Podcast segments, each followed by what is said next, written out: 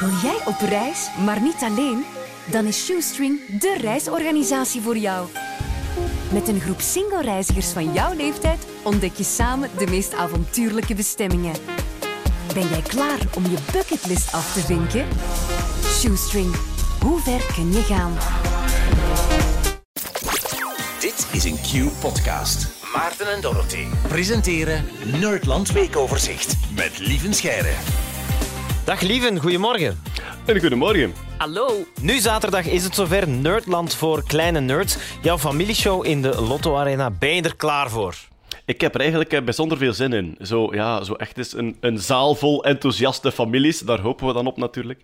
En uh, ja, van alles gepland. Hè. We gaan uh, veel proefjes doen. We gaan ook veel uitleggen. Er komt een stukje over gaming. Uh, er komt een stukje over ruimtevaart. Ja, we kunnen niet anders, want we zijn terug begonnen met de maanreizen. Hè. De, de Artemis 1, een onbemande ruimteraket, is uh, intussen gelanceerd. En uh, er, er, komen veel bekende Vlamingen langs, waar wij, ja, waar wij dan wetenschappelijke testen op gaan doen. En oh. heel misschien, heel misschien gaat er af en toe iets ontploffen. Maar gepland. Gepland. Ja. gepland. Oké, okay, ja. dat is goed. Dan zijn de mensen op hun gemak in de zaal dat het gepland is. Het is eigenlijk ja. een soort van familiedag in Deurne. Hè? Want s'avonds kan je oversteken naar het Sportpaleis en naar Ik wou net zeggen, hè? een afterparty uh, fixen wij in het Sportpaleis. Ah, Q-pop. Jullie, jullie zijn daar ook gewoon. ja, ja. ja, voilà. Dus, allee, ja. En, en jullie hebben de grotere zaal. Oh. Ja. ja. ja. Maar ja, maar jij hebt kleine mensjes natuurlijk. Hè. Daar is een ah, kleinere ja. zaal voor nodig. Er, dus ja, ja, er moet, passen ja. meer kinderen in, in de Lotto Arena. De, voilà, voilà. Waar gaan we deze week over hebben, lieven? Uh, uh, deze week gaan we de wereld redden met champignons. Uiteraard. Die misschien binnenkort in onze telefoon gaan groeien. Oké. Okay. Het is een onderzoek van de Johannes Kepler Universiteit in Oostenrijk. Wat willen zij doen? Zij willen computerchips maken met paddenstoelen. En dan denkt je, wat? Hoe kan dat nu? Um, What? Ja, voilà, dat is exact het geluid waar ik naar op zoek was. What? Um, ja, computerchips, daar moeten zo metalen geleidertjes in zitten, en halfgeleiders. Maar daar zit ook veel plastic in dat dat allemaal samenhoudt. En misschien kan ik het wat concreter maken. Weten jullie wat een printplaat is? Nee. En Maarten is nog aan het doen alsof het ergens diep in zijn ja. hoofd begraven zit, maar hij weet het ook niet. Dus uh, ja, voilà. lang verhaal kort, we ja. weten het niet. Nee. Wel, uh, dus een printplaat uh, is zo... Je kan het dus misschien wel voorstellen als je een computer openmaakt. Soms zit daar zo een, een groene plastic plaat in, waar allemaal zo metalen lijntjes op getrokken zijn. Ja. Dat is een printplaat. En dat groen stuk, dat is eigenlijk gewoon plastic om al die lijntjes en al die verbindingen samen te houden.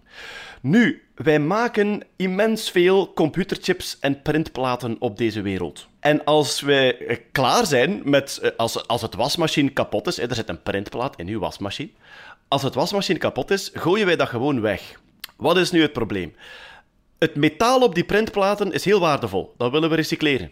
Het plastic op die printplaten is eigenlijk waardeloos, want dat kan je direct opnieuw maken uit olie. En dat is amper te recycleren, bijna niet te doen. Dus wat doen wij? We gooien dat gewoon in zijn geheel weg. Ons totale aantal elektronisch afval per jaar is 50 miljoen ton. Oh, oh ik word er misselijk van. Ja. ja. En wel, okay. ik ga dat even in een volume proberen uitdrukken. Oh, Stel dat het zo zwaar is als water. Je neemt een vierkante kilometer en dat stapelt je 50 meter hoog op oh, met elektronisch afval. En dat elk jaar. Wat is een groot probleem? Veel van ons afval dumpen wij gewoon. Bijvoorbeeld in Afrika. Wat heb je daar? Grote vuilnisbelten waar al onze printplaten en computerchips en wasmachines terechtkomen.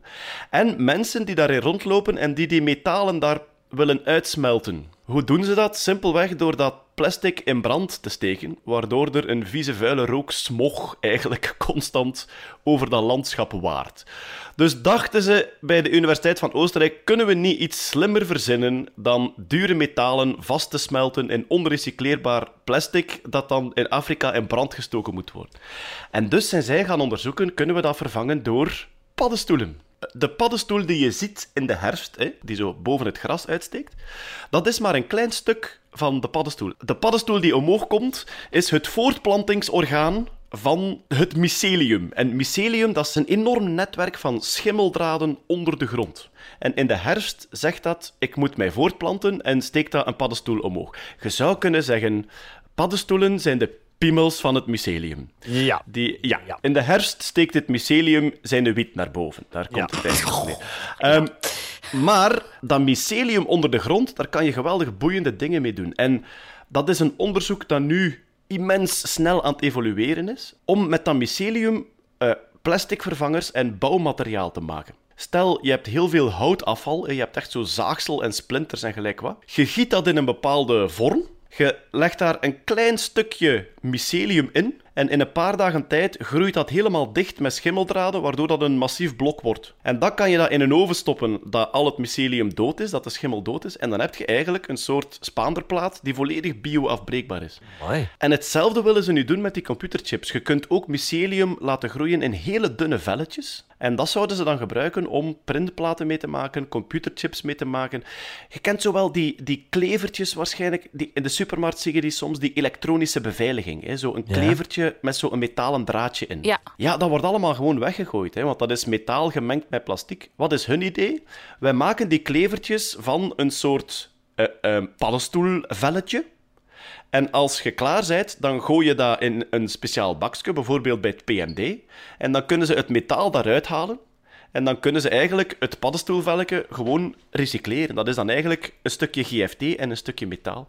Dus als dat onderzoek goed vooruit gaat, dan zou het kunnen dat heel veel elektronica-componenten binnenkort gemaakt worden van paddenstoelmateriaal. En dat we die, uh, het, als het metaal eruit is, gewoon bij het GFT kunnen gooien.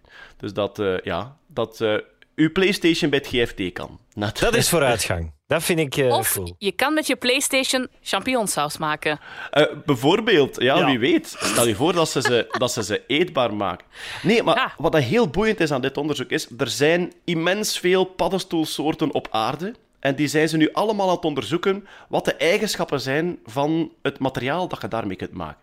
En dan is er nog een extra trucje, dan kan je ze ook nog eens genetisch gaan aanpassen. Je kan eigenlijk nog schimmels een beetje genetisch gaan aanpassen, zodat ze nog meer op plastic lijken, maar wel bio-afbreekbaar zijn. Dus dat onderzoek is heel beloftevol, omdat er zo immens veel mogelijkheden zijn op dit moment. Ik vind het heel interessant. Ja, en waar het misschien een beetje overdreven klonk, paddenstoelen of champignonnen gaan de wereld redden, ja, de, eigenlijk is het zelfs ja? nog niet zo overdreven, vind ik. Uh, wel, we hebben helaas meer problemen in de wereld dan ons elektronisch afval, maar het elektronisch afval is echt wel een grote milieulast en dat stuk gaan we hopelijk met paddenstoelen kunnen redden, ja. Fascinerend. Dank u wel, lieve Scheire. Met plezier. Dit was een podcast van Q-Music. Wil je meer? Wil je meer? Kijk op qmusic.be.